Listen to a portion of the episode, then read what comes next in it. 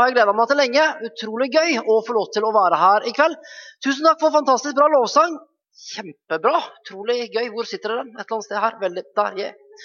Tommel opp. Veldig bra. Mitt navn det er uh, Thomas Aas Pedersen. Jeg er uh, 35 år gammel. Jeg er gift, har ei kone og to døtre. Og så leder jeg Touchpoint Jæren. Og ja, på besøk her i kveld, og det syns jeg er veldig veldig kjekt. På søndag som kommer, så skal jeg besøke Touchpoint Lyngdal, og det gleder jeg meg også til. Og på tirsdag igjen så er det Touchpoint Jæren, så det er en sånn Touchpoint-uke vi er inne i akkurat nå. Og det er gøy.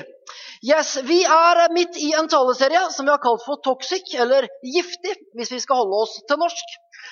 Og på mange måter så kan kanskje dette her være en litt sånn her utfordrende taleserie.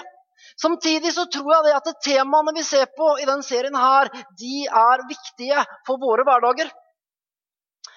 Jeg vet ikke hva du tenker, men eh, jeg ønsker for mitt eget liv at livet mitt skal være bra.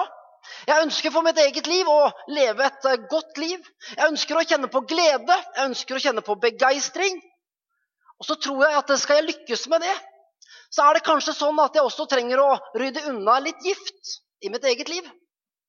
Og når jeg sier det, så skal jeg ikke rydde unna hun, hun? Når jeg sier det, så skal jeg ikke rydde unna hun jeg er gift med. Um, skikkelig dårlig spøk, men uh, ja. Men i alle fall, gift det er farlig materiale som kan føre til sykdom eller død hvis vi ikke er bevisste på det.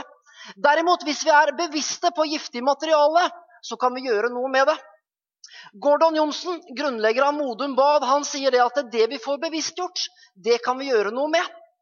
Det vi ikke får bevisstgjort, det gjør alltid noe med oss. Og altså For å sette dette her litt sånn inn i vår kontekst Hvis vi er bevisste på giftig materiale som ønsker å bryte oss ned, hvis vi er bevisste på det, så kan vi gjøre noe med det. Derimot, hvis vi ikke er bevisst på det, så vil det alltid gjøre noe med oss, og det vil bryte oss ned på en eller annen måte. Så langt i denne serien så har vi snakka om eh, giftige ord og giftige tanker. Og i dag så er altså temaet giftige relasjoner. Og så har jeg bare lyst til å klargjøre en ting helt sånn innledningsvis. Men når jeg i dag snakker om eh, giftige relasjoner, så mener jeg ikke at vi skal isolere oss fra samfunnet og folk som kanskje har dårlig påvirkning på oss. Men det jeg sier, det er det at vi skal være bevisste i forhold til det. For hvordan blir du og jeg hvordan blir vi og hvordan blir livene våre påvirket av andre mennesker? Så tror jeg det er sånn at Hvis vi ønsker å komme med en god innflytelse, hvis vi ønsker å være med og hjelpe andre mennesker i en god og riktig retning, så trenger vi først og fremst å være bevisste på hvordan vi lever våre egne liv. For greia er den at vi kan ikke hjelpe andre hvis vi ikke hjelper oss selv først. Jeg tror det at relasjoner og vennskap det er noe av det aller viktigste for oss mennesker. Sannsynligvis er det sånn at vi alle sammen har mennesker i livene våre som bygger oss opp. Mennesker og personer som gir oss noe positivt, og som vi får energi av å være sammen med. En god venn, kona, mannen eller kjæresten. En arbeidskollega eller noen andre mennesker. Samtidig er det kanskje også sånn at vi har relasjoner som ikke ikke bygger oss opp. Relasjoner som kanskje sprer mer sladder enn det vi ønsker. Relasjoner som kanskje prater mye negativt. Relasjoner som kanskje leder oss til å si eller gjøre ting som vi egentlig ikke vil. Relasjoner som kanskje utfordrer oss på grensene våre, og som vi ja må være bevisste i forhold til. Paulus han uh, sier noe om dette i 1. Korinterbrev kapittel 15 vers 33. Og Paulus han sier, 'La dere ikke føre vill. Dårlig selskap ødelegger gode vaner.' Enkelt og greit, og det er klare ord fra Paulus. Og Når vi i dag snakker om giftige relasjoner, så gjør vi det nettopp for å bevisstgjøre oss. Fordi sannheten er det at ofte er det lettere å selv bli brutt ned enn det er å bygge andre opp. Og relasjonene våre vil i stor grad påvirke hvordan du og jeg hvordan vi lever våre liv. Derfor vær bevisst. Jeg husker det at når jeg var tenåring, og kanskje spesielt i slutten av tenårene, så var det mange valg som måtte tas i forhold til relasjoner og i forhold til vennskap. Jeg husker det at jeg hadde mange gode kamerater, og jeg hadde et godt miljø i den kirka da jeg gikk. Men så var det sånn at da vi begynte på videregående skole, og kanskje spesielt mot slutten av videregående skole så valgte noen av mine aller beste kamerater å gå en annen vei. så var det gjerne sånn at når fredagen kom, da reiste vi i kirka. Det var fast. Men plutselig så begynte noen av de aller beste kameratene mine å reise andre steder. Istedenfor å reise til kirka, så reiste de kanskje ut et sted. Og så hang de med folk som kanskje hadde andre verdier. Og så ble de etter hvert mer opptatt av andre ting. Og det vi så, det var det at disse kompisene mine de gled etter hvert mer og mer vekk fra kirka. Og etter hvert også mer og mer vekk i forhold til tro. Og Det var liksom ikke et sånn her bevisst valg om at nå, nå vil jeg ikke tro lenger. Det var mer et uh, ubevisst valg. Folka som de begynte å henge sammen med, det var i utgangspunktet gode folk. Ingenting galt å si om de. Men de delte ikke, den, men de, delte ikke de samme verdier og den samme tro som vi gjorde. Resultatet ble det at noen av kameratene mine valgte en annen vei. Som sagt, i utgangspunktet ikke bevisst. Men nye vennskap og nye relasjoner ledet de bort fra menighet. Og etter hvert også bort fra tro. Og i dag så har ikke de noe aktivt trosliv og er ikke en aktiv del, eller er ikke aktivt med i noen menighet. Og Det er det første som jeg har lyst til å dele med oss i dag, helt sånn her i innledningen. Det står det i Bibelen 'hold dere ikke borte' når menigheten samles. Og jeg tror det at Hvis du ønsker å styrke din relasjon til Jesus, og hvis du ønsker å bygge gode verdier for deg og for framtiden din, hvis du ønsker å leve et liv som kan være til velsignelse for andre mennesker, så tenker jeg litt sånn enkelt og greit Men gjør kirka, gjør touchpoint til en prioritet hver eneste uke. Kom på gudstjeneste. Bli med i Connect-gruppe, og bli gjerne med i tjeneste. Greia er den giftige relasjoner vil eh, bryte oss ned. Paulus han sier i 2. Timoteus brev, kapittel 2, vers 16 og 17.: Vend ryggen til det ugudelige og tomme snakket. For de som taler slik, går bare lenger og lenger i ugudelighet. Og deres ord vil spre seg som koldbrann. Hva er det som er eh, giftige relasjoner? Hvilke mennesker skal vi være bevisste i forhold til? Jo, jeg tenker for det første vi skal være bevisste i forhold til mennesker som er kronisk negative. Mennesker som til stadighet trekker fram det negative ved andre personer og situasjoner. Mennesker som aldri blir fornøyd, og som alltid har noe å utsette på noen eller noe. Bedre vitere og de som er raske til å dømme andre. For det andre så skal vi være bevisste i forhold til den kontrollerende. Mennesket som er eh, manipulerende og kontrollerende i forhold til andre mennesker. Mennesker som utøver usunn makt. Og for det tredje skal vi være bevisste i forhold til fristeren.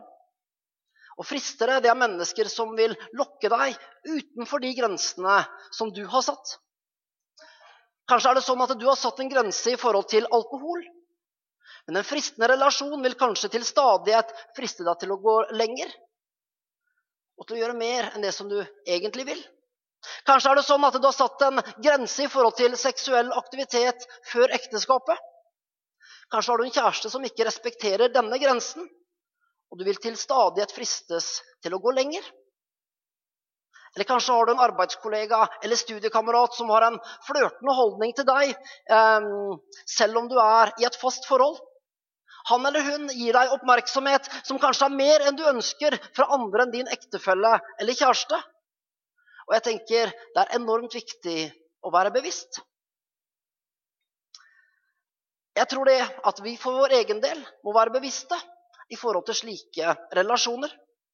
Fordi sannheten er det at det du ikke er bevisst på, det kan ødelegge oss litt etter litt. Og så er det, er det sånn at det kanskje Kanskje kan en negativ eller kontrollerende væremåte også smitte over på oss selv. Og så tror jeg også det at eh, du og jeg Kanskje må vi selv også stille oss spørsmålet hvordan er det, med, Hvordan er det med meg? Hvordan lever jeg mitt liv? Er jeg eh, negativ? Er jeg kontrollerende? Eller er jeg fristende i møte med andre mennesker? Hvordan er jeg i møte med mine medmennesker?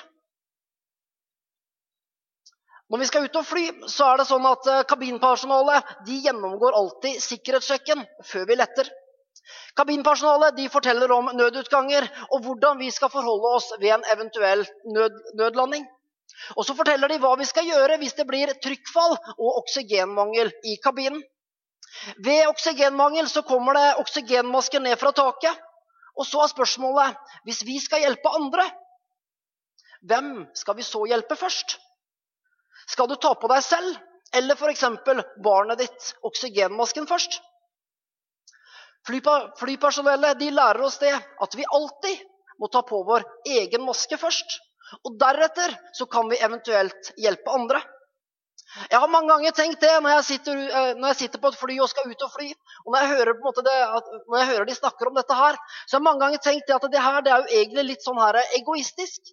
At vi, skal, at vi først skal eh, sikre oss selv først. Deretter så skal vi f.eks. sikre barna våre. Men saken er den at hvis vi ikke sikrer oss selv først, hvis vi selv ikke får oksygen, så kan vi heller ikke hjelpe andre. Derimot, når vi selv er sikra, da har vi gode muligheter til å kunne hjelpe andre mennesker. Jeg tenker at det kan fungere lignende også i møte med relasjoner og andre mennesker. For hvis vi ønsker å hjelpe andre mennesker i en positiv retning i deres liv, hvis vi ønsker å komme med god innflytelse, hvis vi ønsker å hjelpe mennesker i en positiv retning, så er greia den at vi først må sikre oss selv først.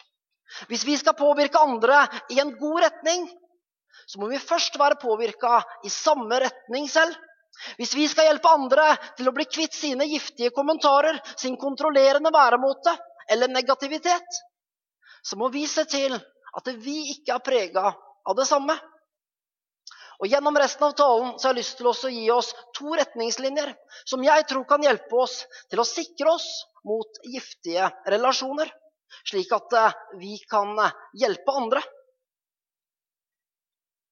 Og Hvis du nå sitter og tenker det at eh, jeg har ingen giftige relasjoner, jeg har egentlig stort sett bare gode folk rundt meg, så vil jeg likevel oppfordre deg til å følge med. For før eller senere så vil du helt sikkert møte på vanskelige relasjoner. Derfor, for det første, Den første retningslinjen som vi skal se på, det første vi skal se på, det er sett sunne grenser. Jeg tenker det at eh, Vi setter sunne grenser for oss selv når vi velger å slippe det gode inn, mens vi holder det onde ute. Når vi leser i Bibelen og når vi ser på Jesus sitt liv, så ser vi at Jesus det var en mann som også satte grenser. Jesus han elsket alle mennesker.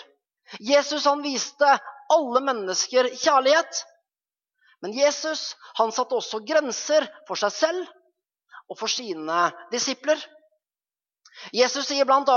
flere ganger i Nytestamentet og i evangeliene Jesus han sier mange ganger 'pass på', sier han. Pass på fariseernes surdeig. Altså, pass, pass på fariseernes lære. Pass på deres eh, giftige påvirkning. Og bli ikke lik dem. For greia er den at de sier én ting, men de gjør noe helt annet. Jesus han sier, 'Pass på de som ønsker å bryte dere ned.' 'Pass på de som ikke er bra for dere.' Videre, når vi ser på Jesus sitt liv, så ser vi det at Jesus han bygde et nettverk av gode mennesker rundt seg. Jesus han bygde et nettverk av gode relasjoner med sunne verdier og med sunne grenser. Jesus han, Jesus han hadde en gruppe av tolv mennesker som fulgte han tett hele tiden. Og I den gruppa med tolv så hadde Jesus også en gruppe på tre. Peter, Jakob og Johannes, som han var enda mer fortrolig med. Pluss at Jesus også hadde andre mennesker igjen som fulgte han tett. Hvorfor bygde Jesus dette nettverket? Jo, for at i sammen, i sammen skulle de bety en forskjell for mennesker som de omgikk med i hverdagen. I sammen så skulle de bety en forskjell for verden. Og i sammen så skulle de faktisk bety en stor forskjell for verdenshistorien. Og Jesus visste det. Og Jesus han lærer oss i dag at hvis vi skal bety en forskjell for andre mennesker, ja, så må vi først ha sunne og gode relasjoner til våre nærmeste. Vi må, vi må ha mennesker rundt oss som bygger oss opp. Vi må ha mennesker rundt oss som holder oss ansvarlige, som utfordrer oss, og som får oss til å bli og være vårt beste. For jeg tror det at uten slike mennesker rundt oss, så kan vi veldig fort bli brutt ned. Og som jeg sa tidligere, det er lettere å selv bli brutt ned enn det er å bygge andre opp. Derfor så trenger vi å bygge et nettverk rundt oss av gode mennesker som deler den samme tro, og som deler de samme verdier som vi gjør. Jeg tror det at Jesus han var nøye på hvem og hva han ble påvirket av. Og jeg tror at eh, Jesus sin daglige relasjon med sin far og sine nærmeste venner ga han den rette påvirkning. Før jeg begynte å jobbe som pastor, så jobba jeg flere år som bartender på Bryne. Og det miljøet, det var et miljø hvor jeg var nødt til å sette grenser for meg selv. Og jeg var tydelig på de grensene som jeg satt. For det første så satte jeg en grense i forhold til dette med flørting.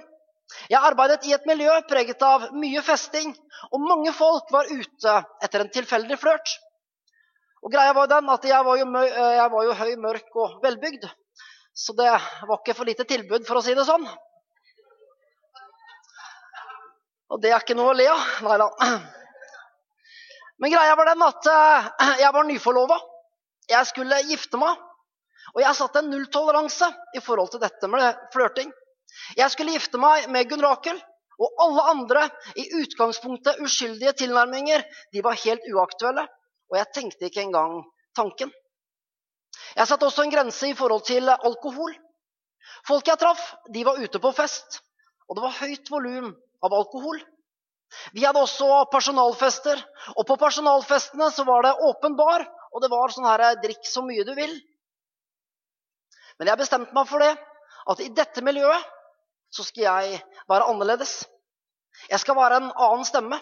Jeg skal eh, representere noe annet enn den kulturen som råder. Og så hadde jeg et ønske om å kunne representere noe positivt inn i det miljøet som jeg var en del av. Og jeg skal ikke prate meg selv opp i forhold til dette her, men de grensene som jeg satt, de klarte jeg å holde. Hvorfor? Jo, fordi jeg hadde gode mennesker rundt meg. Gunn Rakel og meg vi var bevisste på å bygge et godt forhold oss imellom. Jeg var en del av en god menighet, og så hadde jeg gode kamerater som ga meg den rette påvirkning. Kamerater som jeg delte tro og de samme verdier med. Og så har jeg lyst til å utfordre deg. Hvilke grenser trenger du å sette? trenger du å sette en grense i forhold til alkohol. Fordi, fordi, du vet at det blir for mye for ofte. Har du, har du, personer på jobben eller i studentmiljøet som du kanskje har en flørtende holdning til, selv om du er i et fast forhold? Trenger du å sette noen nye grenser i forhold til seksuell aktivitet før ekteskapet? Eller hører du for mye sladder? Og trenger du å si til noen folk at eh, 'Jeg vil ikke at du skal tale sånn her til meg'?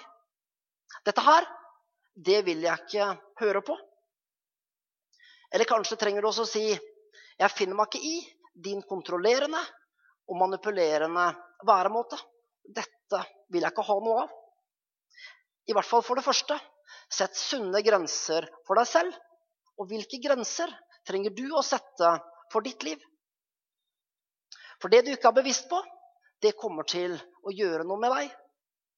For det andre, hva når folk ikke respekterer de grensene som eh, du setter? Du har satt en grense, men eh, folk, eh, folk respekterer ikke den grensa. Hva gjør du da? Folk fortsetter å spre sladder. Folk fortsetter å friste. Folk fortsetter å manipulere og spre gift. Hva gjør vi? Hva gjør vi når folk ikke respekterer de grensene som vi setter? Punkt nummer to. Og Dette her, det syns jeg egentlig ikke er så lett å si. Og kanskje er du kjempeuenig med meg i forhold til dette, men eh, jeg står inne for det. Men i hvert fall punkt nummer to kutt ut giftige relasjoner. For å klargjøre et par, par ting før vi går videre på dette punktet. Jeg snakker nå ikke om å kutte ut den som du eventuelt er gift med. Hvis du opplever at relasjonen til ektefellen er vanskelig, så er ikke løsningen å kutte vedkommende ut. Da må man i sammen søke hjelp. Jeg snakker heller ikke om å kutte ut nære familiemedlemmer. En far, mor, søsken eller egne barn. Hvis disse relasjonene er vanskelige, så tror jeg, at løsningen er å søke hjelp i, sammen, så tror jeg løsningen er å søke hjelp i sammen. Så lenge det ikke er misbruk eller vold inne i bildet. Hvis misbruk eller vold er en del av relasjonen, og hvis det skulle åpne en dør hos deg akkurat nå, så søk hjelp i forhold til det. Derimot, det som vi skal sette fokus på under det punktet her Hvis du har andre mennesker i din omgangskrets som ikke respekterer dine grenser og dine verdier, og til stadighet vil lokke deg lenger vekk fra det du tror på, så kan det være riktig å kutte vedkommende ut. I første Mosebok i Det gamle testamentet så leser vi om Josef. Og Josef han blir solgt som slave av sine brødre til, til Egypt. Men i Egypt så gjør han det bra. Jeg skal ikke fortelle hele den historien nå, men uh, saken er den at Josef han får jobb hos en som heter Potifar. Og Potifar han var hoffmann hos farao, og det var en mann i høy stilling. Josef han uh, bemerker seg tidlig. Og det går ikke lang tid før Josef selv får en høy stilling med stor innflytelse. Og Josef han får stor anerkjennelse i Egypt. Josef han bor hjemme hos Potifar og hans kone. Og det er da fristeren kommer på banen. Når Potifar er ute, så kommer Potimor. Hun heter ikke det, da, men vi, vi kaller henne det nå. Men i hvert fall når Potifar er ute, så kommer hun til Josef. Og så sier hun Josef, 'Ligg med meg.' Uten tvil et fristende tilbud, for det Potimor, hun var hot. Men greia er den at Josef han har satt en grense. Josef han har satt en grense som han ikke vil bryte. Men Potimor hun respekterer ikke den grensa. Dag etter dag så sier hun til Josef, 'Kom igjen, ligg med meg.' Dag etter dag så går hun rundt og frister Josef. Hun kler seg forførende, og hun gjør alt hun kan for å få Josef til sengs. En dag så setter hun alle kluter til. Og I første Mosebok, og i første Mosebok kapittel 39, vers 12, der står det Da grep hun fatt i kappen hans og sa, 'Ligg med meg.' Men han rømte ut av huset og lot kappen bli igjen i hendene hennes. Josef han brøyt relasjonen. Han rømte ut. Han løp ut. Og Når vi leser videre i første Mosebok, så ser vi det at det fikk eh, store konsekvenser. Josef han måtte betale en stor pris for sitt nei. Fordi Potimor, når hun så at hun ikke fikk Josef til sengs, når hun så at hun ikke fikk det hun ville, så snudde hun om på hele historien. Og så sa hun det at Josef hadde prøvd å voldta henne. Josef han måtte uskyldig i fengsel. Men Josef han eh, bevarte sin integritet. Det letteste for Josef det ville vært å gi etter. Og kanskje er det sånn for oss også mange ganger. Kanskje er det sånn at det er lettere å gi etter enn det er å sette en sunn grense. Og det er i hvert fall lettere å gi etter enn det er å kutte mennesker ut. Når jeg ser på mitt eget liv, så ser jeg det at eh, det er veldig sjeldent jeg har trengt også å kutte ut mennesker. Hvis jeg i det hele tatt har trengt det. Og kanskje er det sånn for deg også. Men jeg hadde likevel lyst til å si noe om det i dag. For greia er den hvis du har mennesker som leder deg lenger og lenger bort, både fra tro og fra menighet, mennesker som ikke respekterer dine grenser i det hele tatt, så kan det være riktig å kutte disse menneskene ut og ikke ha noe med de å gjøre. Vi skal gå mot avslutning. I Touchpoint så har vi noe som heter eh, Touchpoint high five. Og det handler om kom på gudstjeneste. Bli med på gudstjeneste, bli med på Touchpoint hver eneste uke. Bli med i Connect-gruppe. Mindre fellesskap hvor man kan komme sammen i mindre grupper. Hvor man kan dele liv, og hvor man kan dele tro. Bli med i tjeneste. Tjen med dine gaver, dine talenter. Sosiale samlinger gjennom eh, TP Social. Og så ønsker vi å si noe om dette med bofellesskap. Bo sammen med andre mennesker som deler dine verdier, f.eks. gjennom studietida. Jeg tror det. Jeg tror det. At hvis du prioriterer dette, hvis du prioriterer dette, så tror jeg det at du på mange måter vil kunne sikre deg selv. Jeg tror at uh, gjennom dette, hvis du prioriterer dette, så vil du bygge en bevissthet hos deg selv. Og du vil formes i sammen med mennesker som deler de samme verdier som deg. Og som gjør at du blir, og som gjør at du blir bedre.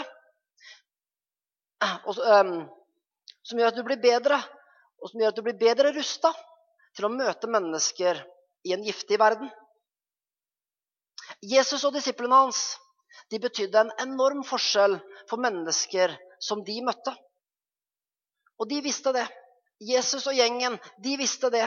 At hvis vi skal påvirke den verden som vi er en del av, hvis vi skal komme med motgift til en giftig verden, så handler det om at vi bygger gode relasjoner til hverandre og en god relasjon til Gud, vår far. Og gjør vi det, når vi gjør det, da kan vi bety en stor forskjell. Som touchpoint nå, eh, så ønsker vi å nå mennesker som er langt fra Gud og kirke, og gjøre dem til etterfølgere av Jesus. Skal vi lykkes med det, ja, så blir det litt sånn som flyvertinna, som sier at vi selv må ta på oss eh, oksygenmasken før vi kan hjelpe andre. Vi må være en del av og vi må prioritere et, et, miljø hvor vi påvirkes av Jesus sammen med andre mennesker som deler den samme tro, og som deler de samme verdier. Og så tenker jeg at da, da settes vi i stand til å komme med motgift til en giftig verden. Så vi kan vise mennesker et sant og et godt bilde av hvem Jesus er. Og det er det vi ønsker. Jeg ønsker for mitt eget liv ønsker for mitt eget liv at Jesus kan vise gjennom det livet som jeg lever. At jeg i møte med andre relasjoner og andre mennesker kan gi et bilde av Jesus i min hverdag, i mitt nabolag, gjennom menighet, gjennom de ulike tingene som jeg er med på. Og så vet jeg det, at hvis jeg skal gi et sant og godt og et ekte bilde av Jesus, ja, så handler det om hvordan jeg lever mitt liv. Hvordan jeg lever mitt trosliv i forhold til Jesus, i forhold til Gud, og hvordan jeg lever mitt trosliv sammen med andre mennesker som deler den samme tro. Og så vet jeg at hvis jeg prioriterer det, ja, så settes jeg i stand. Og så kan jeg være med og så komme med god påvirkning ut i min hverdag. Og jeg tenker det ønsker jeg for mitt liv. Og det ønsker jeg at vi som touchpoint og vi som fellesskap i sammen skal gjøre. Røyling han nevnte tidligere i møtet at vi ønsker touchpoint på ti steder rundt omkring i Norge. Og kanskje fem steder i Oslo. Ja, det tror jeg på. Og så tror jeg på det at i sammen så skal vi komme med motgift til en giftig verden. Og i sammen så skal vi se det at flere mennesker får møte Jesus Kristus som sin frelser. Skal vi be sammen? Himmelske Far, jeg takker deg, Herre, for din godhet, og jeg takker deg, Herre, for din kjærlighet. Jeg takker deg, Herre, for din nåde. Og takk, Herre Jesus, for at du møter oss akkurat der hvor vi er. Takk, Jesus. Herre Jesus, du eh, kjenner oss. Herre Jesus, du ser eh, våre liv. Du ser hjertene våre, Herre. Og Du ser de tingene i livene våre som er bra, og du ser de tingene i livene våre som er vanskelig. Og takk, Jesus, for at vi kan komme til deg med alle ting. Og Så ser du det temaet her som vi har prata om i dag, i forhold til relasjoner. Du kjenner våre relasjoner, Herre. Og så ber Herre Jesus at vi skal kunne sette sunne grenser for våre egne liv, Herre. Og jeg ber Jesus at du skal hjelpe oss til å sette sunne grenser for livene våre. I Jesu navn. Og Så ser du også, Herre, hvis vi har eh, vanskelige relasjoner i livene våre, relasjoner som vi kanskje trenger å gjøre noe med Jeg ber at du skal lede oss, og du skal gi oss visdom i forhold til det. Og så ber jeg Jesus at du skal gi oss den rette påvirkning og jeg ber Herre Jesus at vi sammen som et fellesskap skal også kunne gi hverandre en god påvirkning, Herre. Så vi kan leve de livene som du har kalt oss til å leve. Jeg ber om det i Jesu navn. Og så ber jeg Herre for um, oss som touchpoint. At vi skal kunne komme med motgift til en giftig verden. Så flere mennesker kan få møte deg, Herre Jesus, jeg ber om det i Jesu navn. Kom, Jesus. Så ser du de her eh, som også kanskje sitter med en tanke nå om eh, Oi, er jeg den eh, kontrollerende eller negative? Er jeg den manipulerende? Er jeg den fristende? Takk, Jesus, for at du kommer med nåde. Og takk for at du ønsker å møte vedkommende akkurat nå, Herre. Takk, Herre, for at det er tilgivelse å hente hos deg. Og jeg ber Herre også at det skal være tilgivelse i forhold til relasjoner som har blitt såra, eller som har vært vanskelige, Herre. Kom med legedom, kom med kjærlighet i Jesu navn. Takk, Jesus. Jeg ber i Jesu navn. Amen.